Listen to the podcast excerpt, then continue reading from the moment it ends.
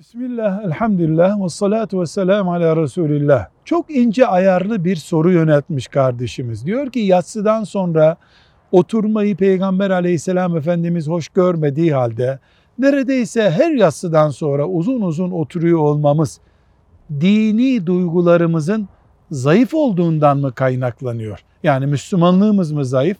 Bu soruya evet diyemeyiz.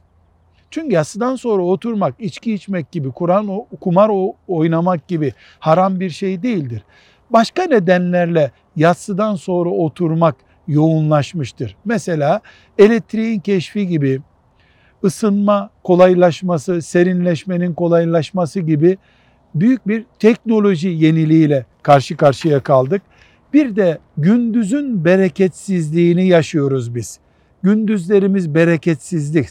Gün yetmiyor. Yetmeyince işimizi görmek, sohbetimizi yapmak için yatsıdan sonrasını kullanma ihtiyacı hissediyoruz. Toplumun böyle bir yeni uygulaması oluştu.